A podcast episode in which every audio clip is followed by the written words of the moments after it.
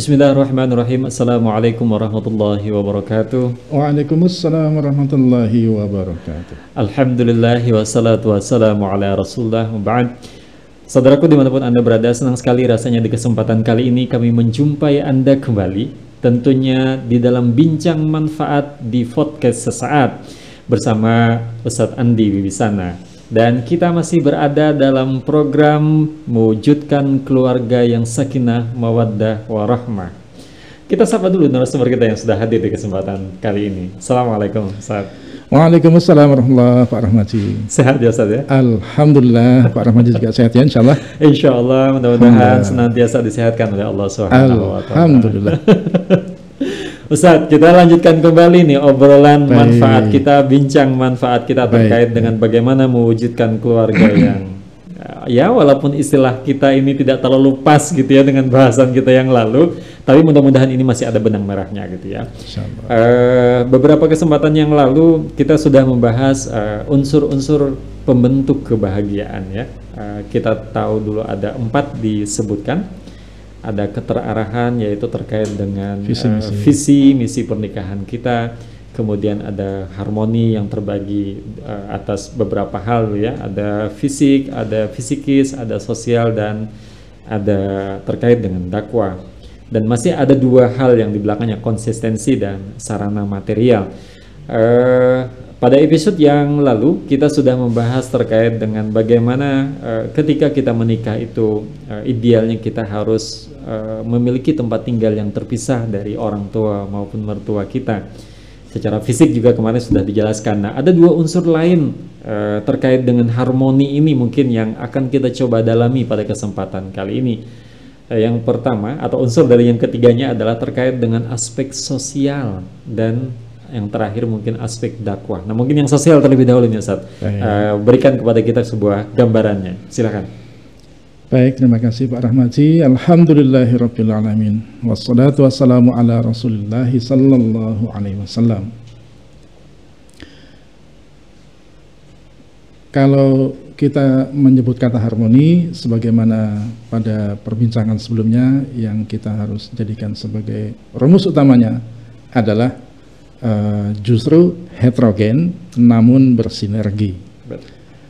Eh, kalau kita bincang-bincang tentang harmoni, ya kita heterogen dan bersinerginya dengan siapa? Tentu yang paling pokok mendasar adalah kita harus harmoni dengan Rabb kita sendiri. Hmm. Bahagianya kayak apa antara kita dengan pasangan, antara kita orang tua dengan anak, tapi kalau tidak harmonis dengan Allah, itu namanya kecelakaan besar tentunya.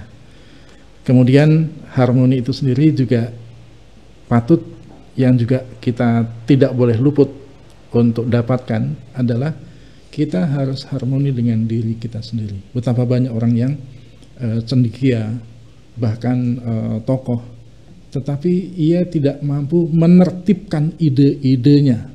Seperti apa misalkan harmoni dengan diri sendiri itu? Eh, dia tidak mampu melakukan kendali atas syahwatnya.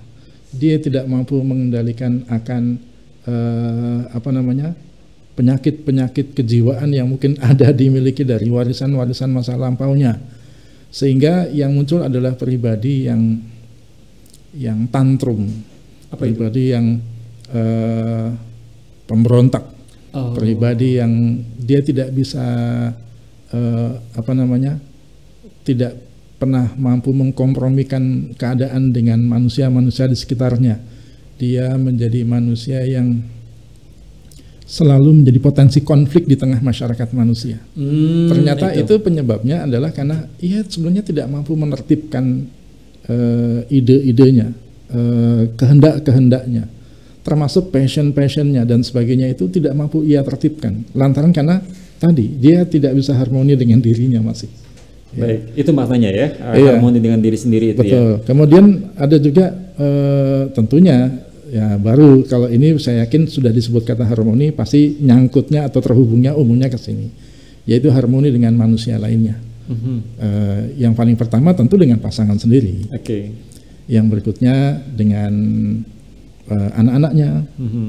orang tua, Oke. bahkan mertua, Mhm. eh, dengan ipar, ya. dengan selanjutnya ya dengan Keluarga tetangga, ya, tetangga, ya bahkan macam. tetangga gitu Mhm, kan. mhm, mhm. Eh, jadi ketika dia adalah orang mampu mampu melakukan harmonisasi antara keberadaannya di tengah masyarakat manusia itu, maka tentu eh, dia akan mendapatkan manfaat yang banyak. Sebagaimana yang juga pernah saya sebutkan pada pertemuan sebelumnya, lantaran karena ia terbiasa menjadi abid kepada Allah Taala, aksentuasi mendasar dari dirinya adalah aksen seorang khadimah, orang yang serba mengedepankan servis, mengedepankan kewajiban ketimbang menuntut haknya, maka wajar kalau dia adalah orang yang paling mudah untuk beradaptasi dengan masyarakat manusia di sekitarnya dan kemudian dia mampu senantiasa mengedepankan uh, pesonanya sebagai orang yang uh, mengedepankan kepentingan orang lain,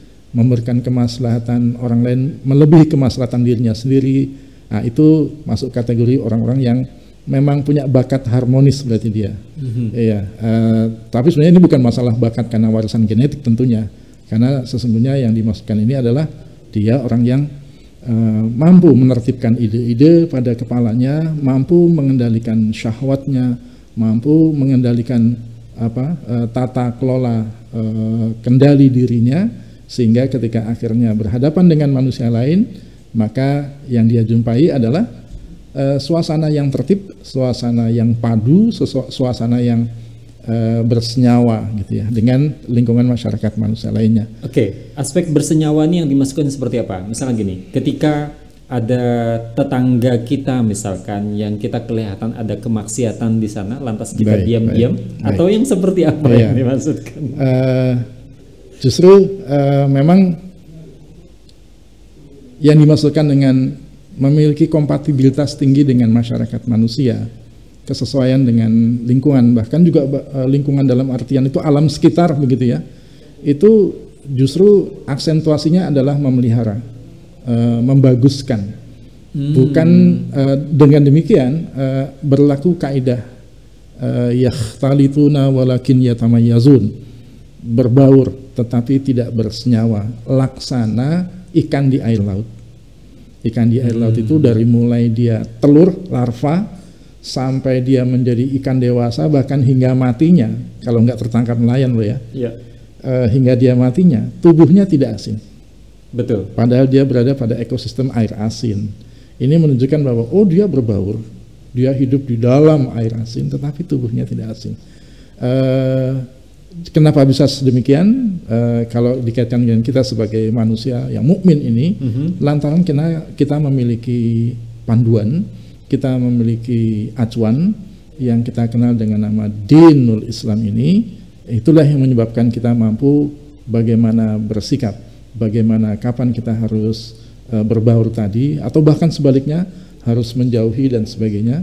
Eh, tahu bagaimana perbedaan antara berbaur dengan bersenyawa karena dinul Islam ini memiliki panduannya Artinya terhadap kemaksiatan tentu kita tidak membiarkan hal Betul, itu ya. betul. Baik.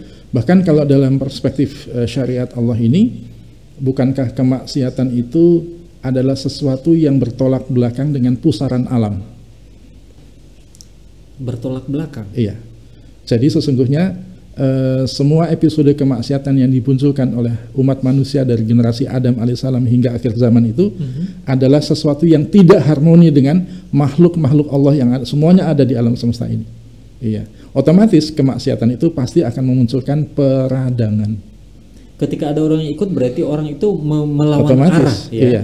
Oh, Jadi begitu. kemaksiatan itu pasti memunculkan peradangan. Peradangan itu kita kenal dengan julukan musibah. Iya. Di mana Allah tidak berdarah-darah tangannya, tetapi alam ini yang membalaskan eh, atas kemaksiatan yang dilakukan oleh si manusia karena kemaksiatannya kepada Robnya alam ini. Gitu. Baik. Ya, itu tadi itu harmoni ya, harmoni Iya. kepada Allah kita mungkin bisa uh, lebih memahami artinya Iya. ketaatan kita kepada Allah Betul. Subhanahu wa Tidak bermaksiat karena lantaran itu pasti akan merusak harmoni dengan Allah Taala. Baik. Tadi terkait dengan diri sendiri tadi, mungkin kalau lebih jauh, apakah perasaan-perasaan iri, dengki kita terhadap orang lain itu bagian dari itu? Itu sebabnya Allah Ta'ala eh, mengarahkan agar kita para hambanya ini uh, menjauhi larangan-larangannya. Karena sesungguhnya seperti yang pernah saya ungkapkan bahwa setiap penguasa itu memiliki wilayahnya, betul, dan setiap penguasa memiliki tanah larangannya. Betul. Maka apabila kita sedang mendekat dan bersikap harmoni kepada Allah Taala, maka kita juga harus bersinergi dengan uh, ketentuan yang merupakan aturan-aturan, termasuk di sana ada perintah maupun larangannya. Dari situ uh, kita jadi mafhum. Kalau seandainya kita malah uh, akrab dengan area terlarangnya atau bahkan berada di, area terlarangnya itu pasti akan menimbulkan kekisruhan pada kejiwaannya. Jadi sebetulnya kalau kemudian kita jumpai uh, di di dalam kalamullah di dalam Al-Qur'an kita menjumpai adanya larangan menggibah, ya. larangan berprasangka buruk, larangan untuk mencemooh, mencela, larangan memanggil dengan panggilan-panggilan yang buruk dan sebagainya. Sebenarnya itu adalah sesuatu yang apabila kita melanggar, dampaknya bukan sekedar memancing musibah pada skala eksternal, tapi juga bahkan memunculkan adanya permasalahan-permasalahan psikis pada pelakunya. Ketidakharmonian dengan Allah berdampak pada kekacauan, uh, pusaran kejiwaan yang ada pada diri si pelakunya. Begitu pula mungkin sebaliknya ya, kalau kita melakukan hal-hal yang baik. Betul, betul. Semakin kita uh, menyesuaikan diri dalam kurung harmoni dengan kehendak-kehendak perintah dan larangannya Allah Ta'ala, maka kita menjadi orang yang paling sinergi bukan saja dengan Allah, tapi bahkan dengan alam semesta ini kita berarti, berada pada pusaran yang sama. Betul. Berarti ya. uh, apa teori uh, law attraction itu ya. memang betul itu ya. Ada irisan besar yang Ada irisan besarnya di sana ya. ya. Betul. Oke, berarti semakin banyak uh, melakukan kebaikan itu sebenarnya menarik uh, asumsinya ya. ya. Orang hal-hal yang ada di sekitar kita ya. untuk senantiasa uh, baik juga nanti pada pada akhirnya dengan betul, kita betul, ya. Betul dan ada istilah bahwa yang membutuhkan kebaikan itu sebenarnya kita bukan sesuatu betul, orang betul. lain yang kita ya. tolong itu gitu ya bahkan kalau di disesuaikan dengan uh, beberapa statement kanjeng Nabi kita Rasulullah SAW itu beliau pernah menyampaikan kaitannya dengan derma kaitannya dengan sodako uh, beliau itu sampai menyatakan tidaklah telapak kaki si kaya itu akan menginjakkan kepada tanah surga kecuali hartanya mengetuk pintu rumah si du'afa. Itu artinya? Bukan si miskin yang membutuhkan datang. harta si kaya tapi si kaya dan hartanya lah yang membutuhkan si miskin. Agar kita bisa terbawa sampai ke surga. Betul jadi bahasanya adalah uh, Selama ini kita punya asumsi si miskin lah yang membutuhkan si kaya. Betul. Begitulah. Tapi kenyataannya justru versi sudut pandangnya Rasulullah. Kalau bukan karena hartanya si kaya itu yang mendatangi rumah si miskin, tidak menyentuh kakinya, telapak kakinya itu ke dasar surga. Masya Allah kita malah punya asumsi bahwa ketika ada orang miskin datang kepada kita dan butuh bantuan kita itu merupakan gangguan tuh buat kita. Padahal itu channeling untuk betul, kita. Betul, ya. betul. Satu sudut pandangnya adalah itu. Yang kedua adalah justru itu sebabnya kalau kita menjumpai banyak sekali para sahabat, di antaranya yang paling masyur yaitu Sayyidina Umar ibn al-Khattab radhiyallahu an. Beliau adalah Umar sekaligus seorang agniya yang paling hobi belusuan ya belusuan ke rumah-rumah uh, orang-orang yang miskin. Beliau adalah orang yang rajin untuk begadang jalan malam hari di gang-gang perumahan hanya untuk mencari tahu siapa yang tidak makan siapa yang nestafa dan sebagainya. Lalu ketika diketahui maka pada malam itu juga dia akan memanggul dari rumah zakat uh, berkarung-karung uh, gandum dan sebagainya Eh, dan ketika sang ajudan mengulurkan tangannya untuk jangan saya saja kan anda ini khalifah. Jangan ini tanggung jawab saya di hadapan Allah Taala. Biar saya yang memanggulnya sendiri. Ini menunjukkan pada kita betapa si kaya yang membutuhkan si miskin. Untuk menunjukkan betapa uh kalau orang itu harmoni dan bagus urusannya dengan Allah Taala. Bukan saja sehat jiwa tapi juga bahkan memunculkan bahwa dirinya lah cahaya di tengah kegelapan itu gitu Dialah cahayanya. Dialah orang yang mampu menebar bukan saja mencipratkan nilai kesalihan tapi juga bahkan mampu membuktikan bahwa eksistensinya di tengah masyarakat manusia wajahnya cuma satu, namanya kontribusi. Ya. Lagi-lagi eh, dialektika seorang abid yaitu mendahulukan servis, mendahulukan pelayanan, mendahulukan kewajiban bukan menuntut hak. Ya. Eh, maka justru yang ada adalah dia senantiasa disibukkan dengan pelayanan, disibukkan dengan kontribusi, disibukkan dengan saya adalah bagian dari solving. Saya di tengah masyarakat manusia bukan menjadi bagian dari masalah. Begitu.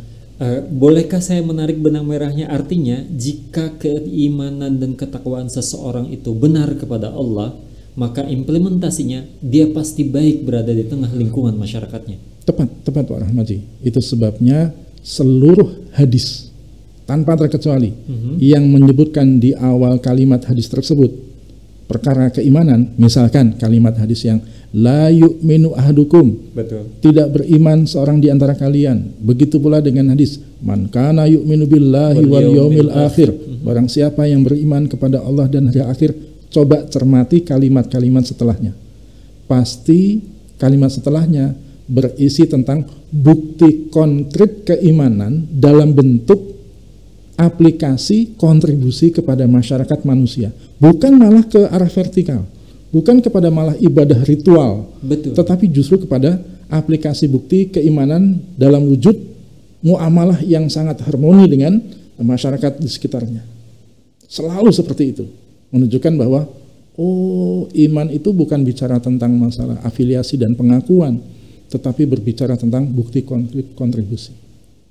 Ya, barang siapa yang beriman kepada Allah dan akhirat hendaklah berbuat baik terhadap ya, tetangga, tetangganya, terhadap memulia, tamunya, memuliakan tamu. Betul. Hmm, Masya Allah. Ya. Eh, mukmin adalah orang yang tetangganya selamat dari, dari gangguan tangannya dan lisannya. Uh, semuanya serba berkriteria mengajak kita untuk menjadi orang-orang yang paling harmoni dengan alam sekitar, bukan saja sekedar uh, apa namanya manusia.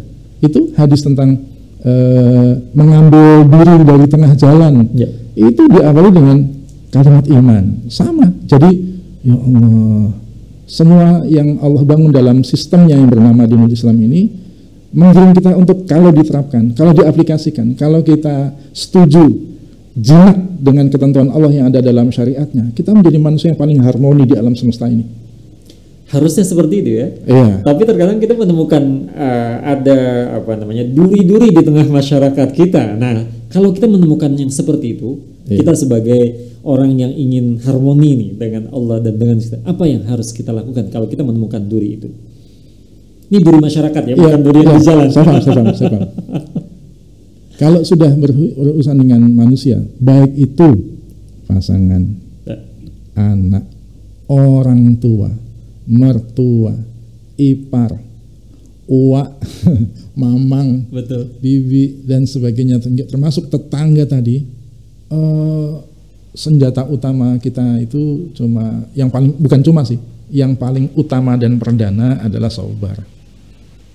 Sampai kapan pun kita selama berinteraksi dengan manusia, uh, maka kita harus siap menerima resiko kezalimannya.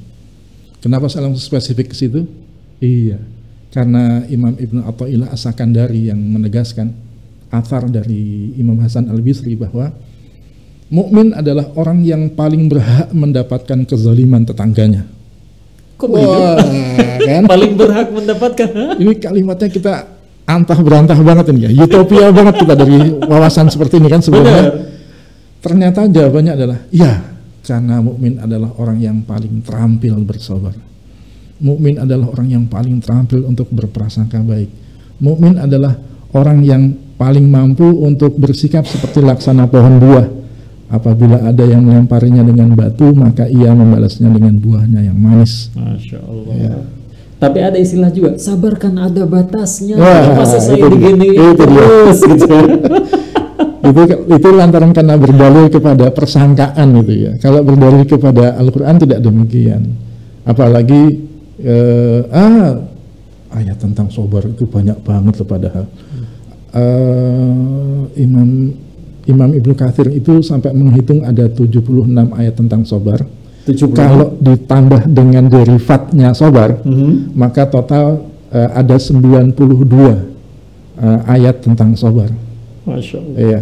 Eh, ayat paling sobar, ayat sobar yang paling saya favoritkan itu untuk menjawab asumsi yang menyatakan sobar tidak ada batasnya itu adalah Betul. ayat terakhir dari surat Ali Imran ayat ke-200. A'udzu billahi minasyaitonir rajim.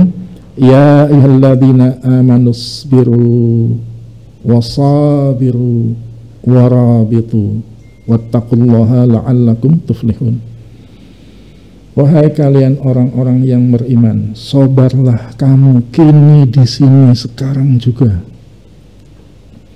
Wasabiru dan senantiasalah bersabar hingga kapan pun. Nggak ada batasnya itu ya. Iya.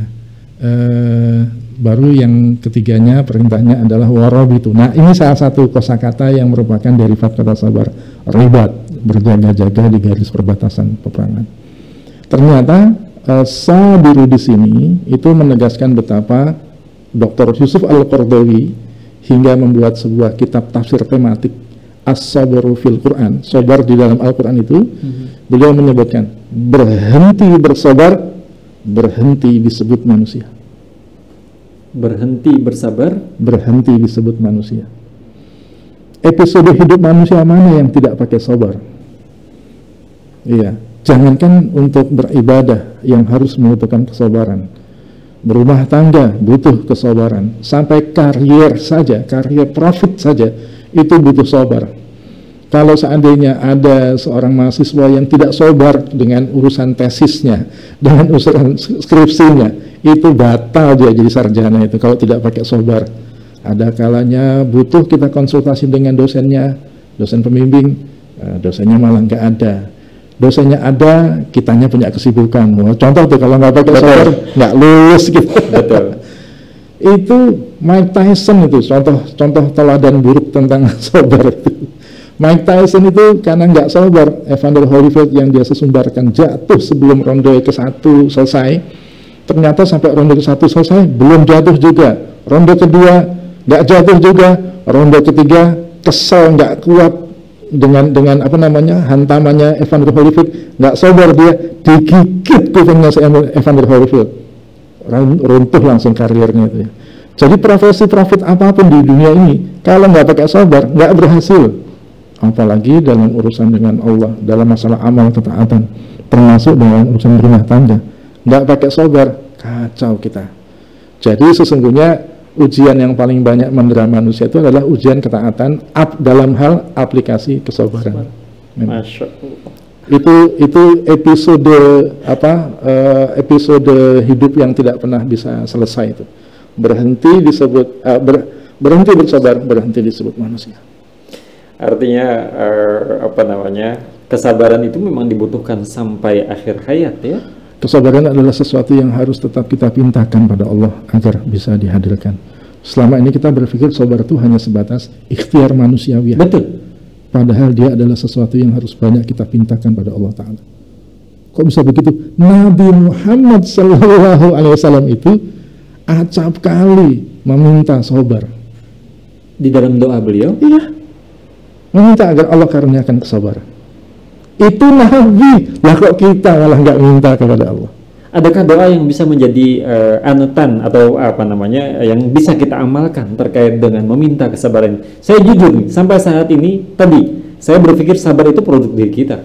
Eh, kalau sudah masuk ke sana nanti berarti kita masuk ke kajian tafsir. Oh, bisa ya. ada tiga ayat Al-Quran yang menyebut kosakata jamil dan itu terkait dengan masalah sobron jamil Sabar sobron jamil. jamil Hmm. ada tiga area itu ada Baik. tiga ayat yang tentang sobron jamil tadi Oh, berarti kita bahasnya nanti lah ya. boleh boleh boleh boleh harus ada waktunya harus ada masalah kesabaran Baik. Eh. Kirain jamil itu hanya paras wajah. Eh, ternyata yang dibahas oleh Allah bukan jamil wajah, melainkan jamilnya sebuah kesabaran. Menunjukkan Allah saja menspesialkan tema tentang sabar ini gitu. Baik. Saya sebenarnya punya tuh buku Yusuf Al-Qardawi itu yang sabar Berarti harus dibuka ulang ya. Berarti harus dibuka ulang tuh. Yang saya pahami hanya dua terkait dengan kesabaran itu. Hmm. Sabar dalam ketika menghadapi musibah dan Iya. sabar dalam ketaatan kepada Allah. Itu Betul, garis besar betul, yang saya betul. yang saya Iya. tangkap dari buku itu gitu. Iya.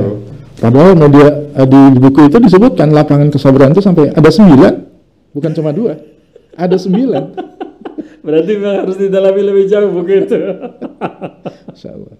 Baik, itu terkait dengan eh, harmoni kita terhadap sosial ya tadi. ya? Mm, betul, betul dengan sosial. Baik, sekarang adakah hal lain terkait dengan yang sosial ini? Eh, enggak apa-apa. Sementara tema itu kita kita bahas sampai sini. Saya yakin setelah ini menjadi ajang untuk tanya jawab bagi para pemirsa nantinya. Baik, dan Anda para eh, saudaraku sekalian yang apa namanya mengikuti podcast ini, kami persilahkan bagi Anda yang ingin menyampaikan pertanyaan terkait dengan persoalan rumah tangga dan pernikahan kita kirimkan melalui eh, media sosial sesaat yang eh, sudah kita publicity gitu ya. Dan agar terselenggaranya acara ini secara uh, istiqomah secara keberlangsungannya terjaga terus silahkan subscribe uh, channel YouTube-nya nyalakan loncengnya share uh, apa namanya Linknya. linknya kemudian kasih komen apa pun masukannya insya Allah nanti kita akan coba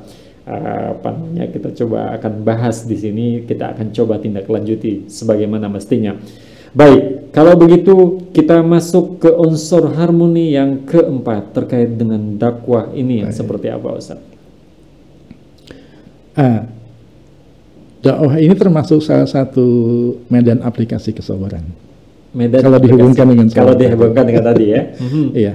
Jadi salah satu bukti bahwa kita adalah individu-individu yang mampu bukan saja harmoni kepada Allah, harmoni kepada eh, pasangan ataupun anak-anak, tapi kita juga menjadi harmo- eh, menjadi individu yang eh, harusnya harmoni dengan eh, masyarakat manusia. Dan salah satu bukti unggul, bukti keunggulan mengerucutnya harmoni kita dengan masyarakat manusia adalah mendakwahinya.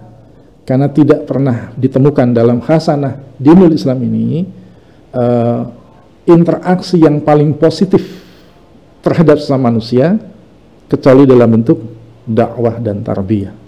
dakwah dan terbiah maksudnya yang seperti apa? Ya, bukti bahwa kita ini adalah orang yang peduli terhadap masyarakat manusia kita, yang ada di sekeliling kita maksudnya, Mhm. adalah bukan sebatas berbuat baik, betul tapi bahkan merancang bangunnya.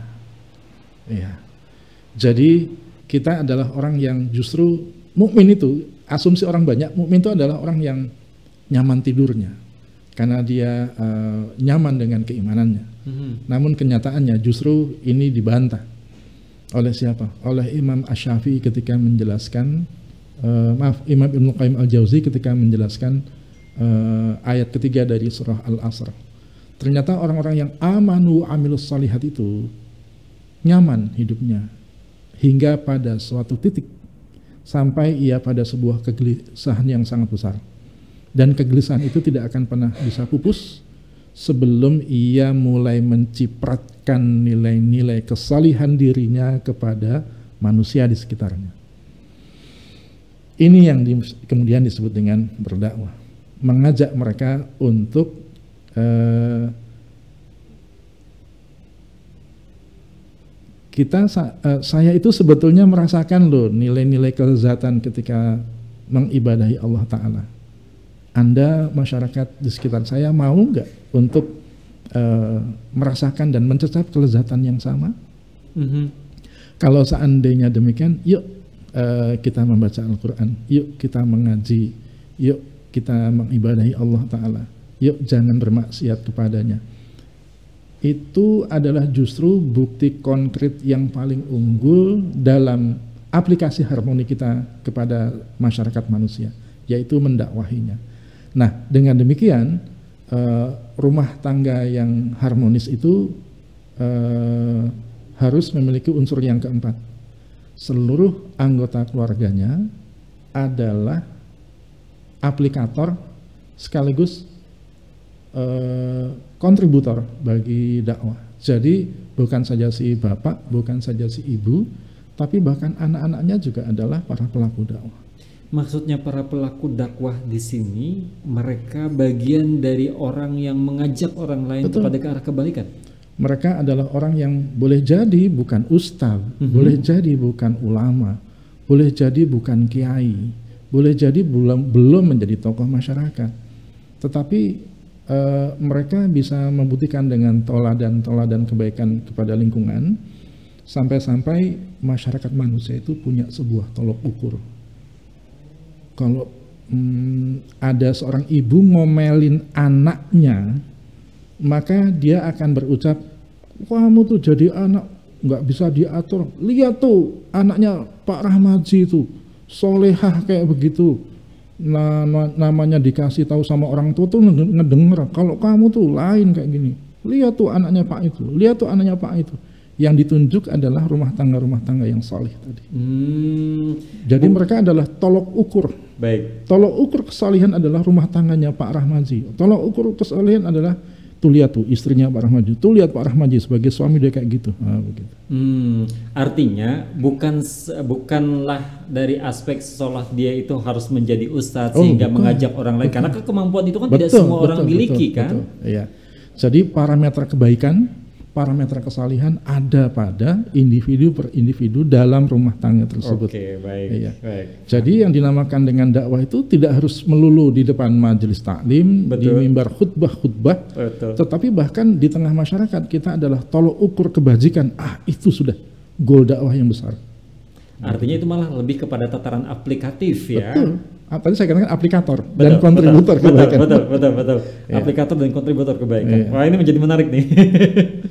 Artinya kalau ada di lingkungan keluarga kita yang masih tidak seperti itu, Iya. berarti belum masuk dalam kategori eh, apa namanya eh, harmoni itu sendiri ya. Berarti sudah kebayang Pak Rahmaji ya. Kalau seandainya ada seorang pria lajang merencanakan dia memiliki rumah tangga yang islami, tidak bisa akan itu semuanya terwujud kecuali dia memilih dengan benar-benar calon partner dakwahnya.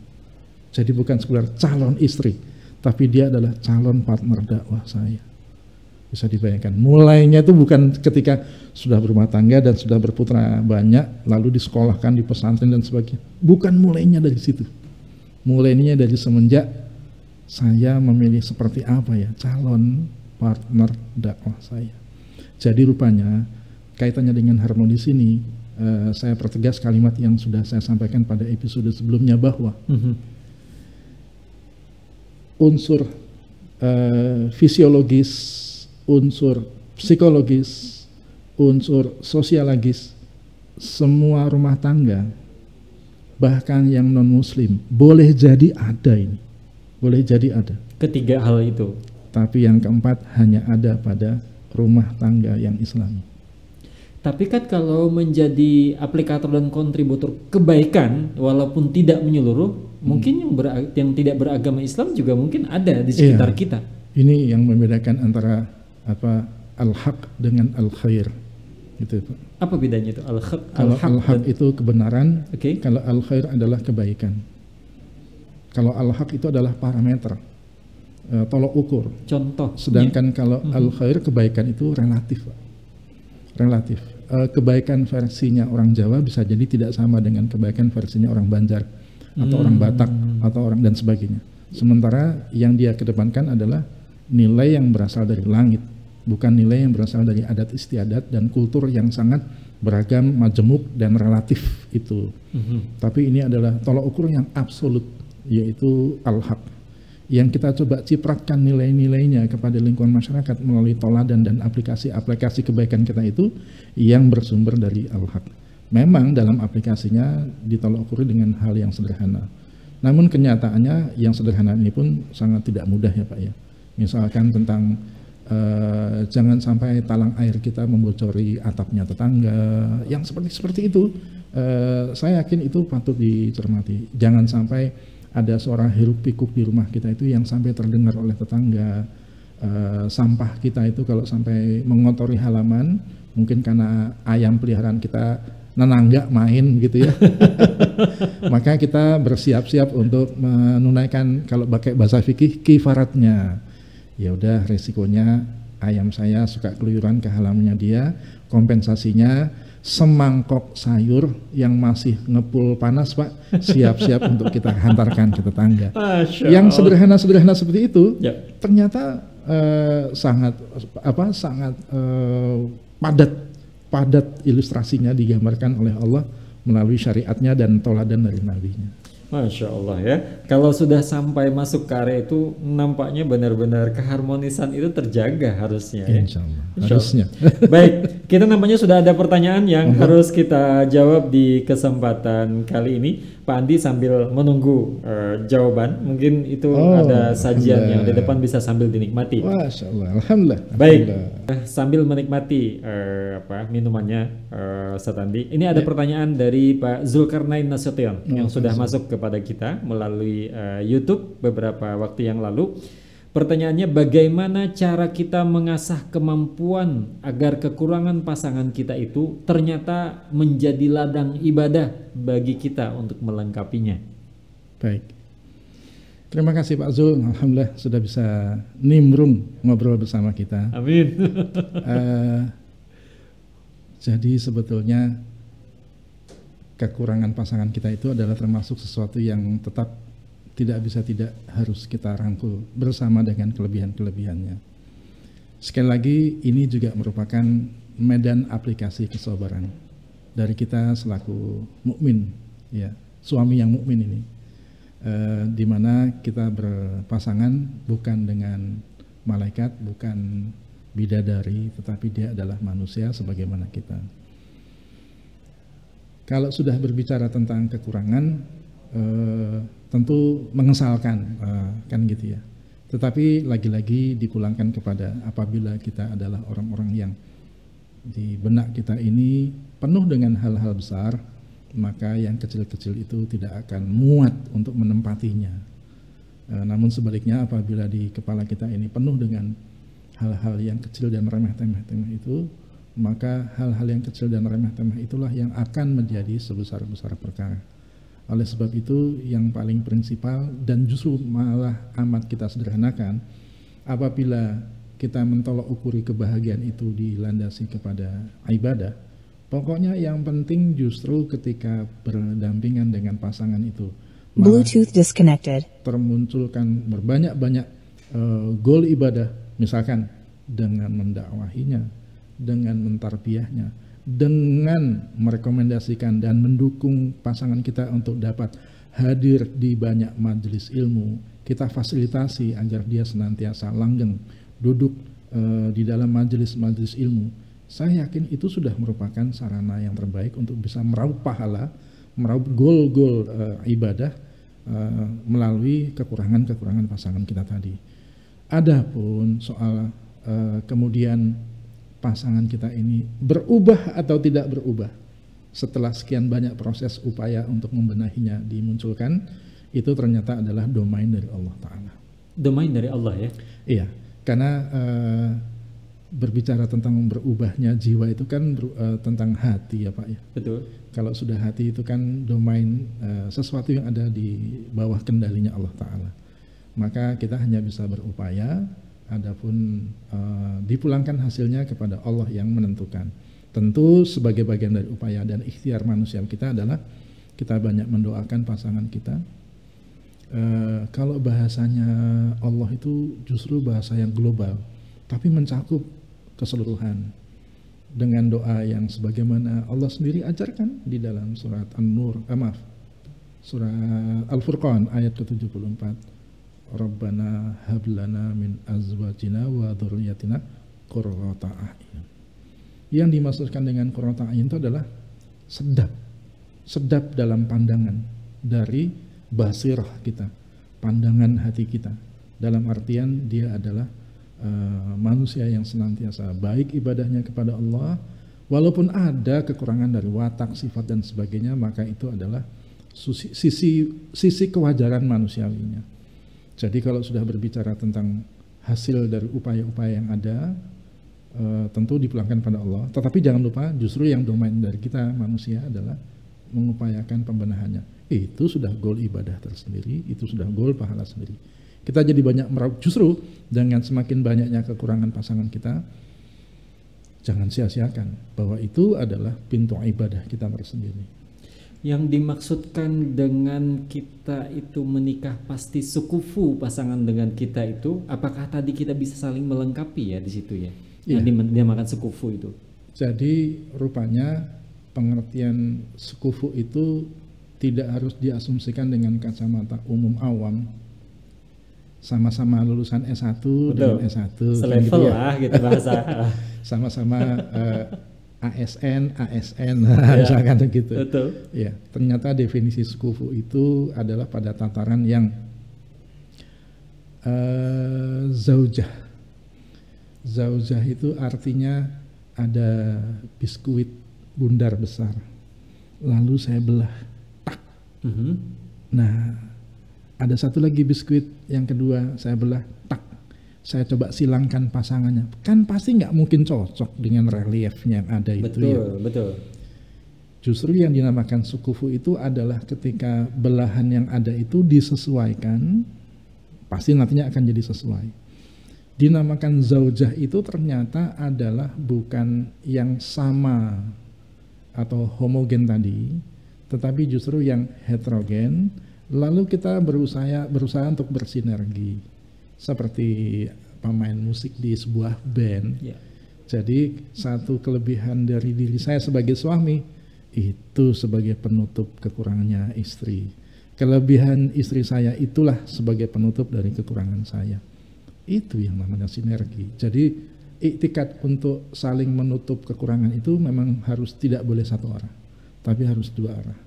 Justru eh, eh, yang lebih mulia lagi apabila kita suami diskusi dengan istri, kamu sudah tahu kan kekurangan saya, demikian juga sebaliknya. Yuk, saling tutupi yuk. Kenapa saya ajak kepada ilustrasi itu? Karena ternyata ayat yang lumayan banyak membahas tentang urusan internal kamar suami istri justru adanya di ayat tentang saum yaitu di Al-Baqarah ayat 187 di situ sampai dikatakan oleh Allah. Saya langsung pada kalimat utamanya.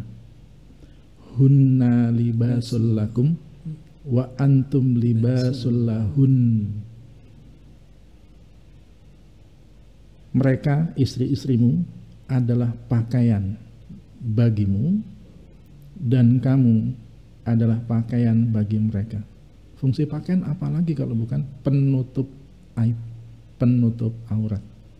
Jadi kita tutupi kekurangan-kekurangannya pasangan kita itu dengan kelebihan-kelebihan kita. Tapi juga harus ada imbalannya. Kekurangan-kekurangan saya tolong tutupi ya dengan kebaikan-kebaikanmu.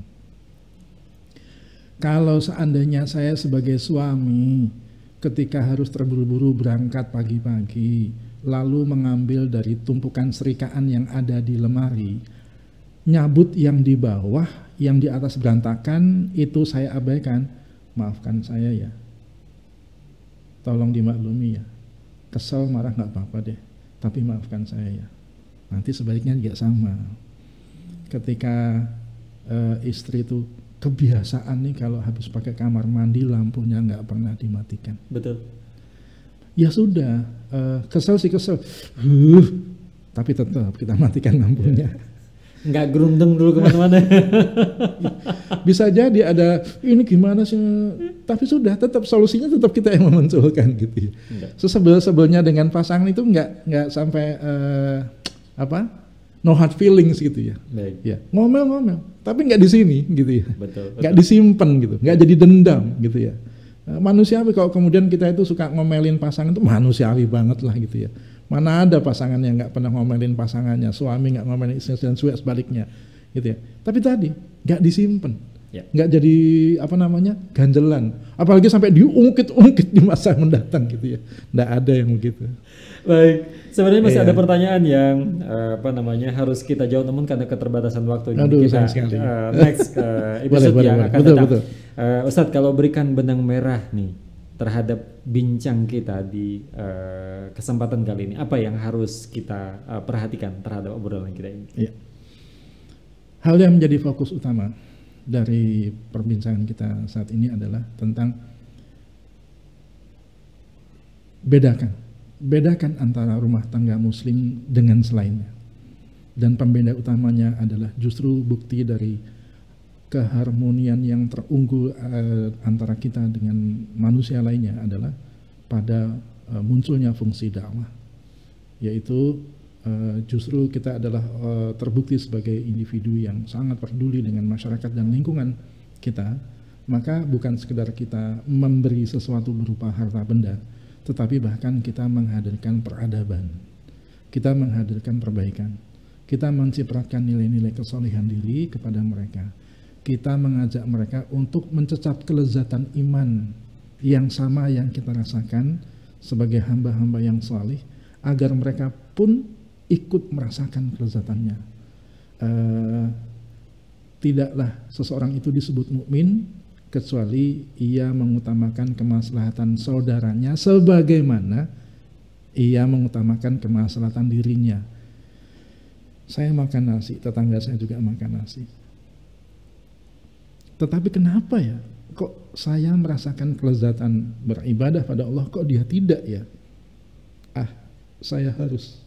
Tidak akan pernah bisa hilang kegelisahan saya ini, kecuali saya harus mengajak dia untuk bisa merasakan kelezatan yang sama. Maka mulai ia berinteraksi dalam versi yang bukan sekedar bergaul dan berbaur, tapi bahkan dia mulai meracik dan mengubah peradaban kebaikan di lingkungan sekitarnya. Baik, mudah-mudahan uh, benang merah tadi tertangkap oleh kita semua terkait dengan bagaimana agar keluarga kita itu benar-benar dapat menjadi harmoni, baik harmoni terhadap uh, Allah. Allah, ya, harmoni terhadap diri kita sendiri, terhadap orang-orang yang ada di sekitar kita, baik mertua, orang tua, anak, uh, tetangga dan lain sebagainya.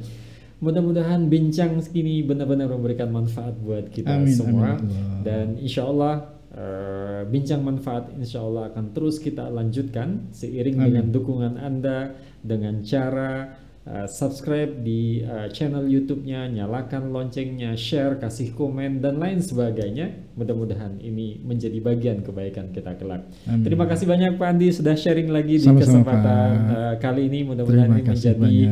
perbaikan kita dari hari Amin. ke hari Amin. yang kita lalui untuk Semoga mewujudkan manfaat. keluarga. Insya Allah manfaat. Insya Allah.